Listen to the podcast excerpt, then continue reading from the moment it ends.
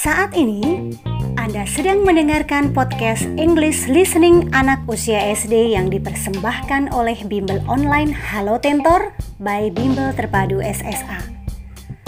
Untuk lebih banyak lagi materi belajar bahasa Inggris dan juga pelajaran lainnya, kunjungi Facebook dan Instagram Bimbel SSA dan segera bergabung bersama kami.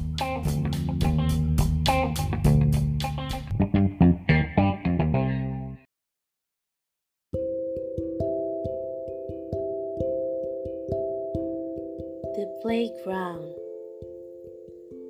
There is a park near my house. We can find a playground there.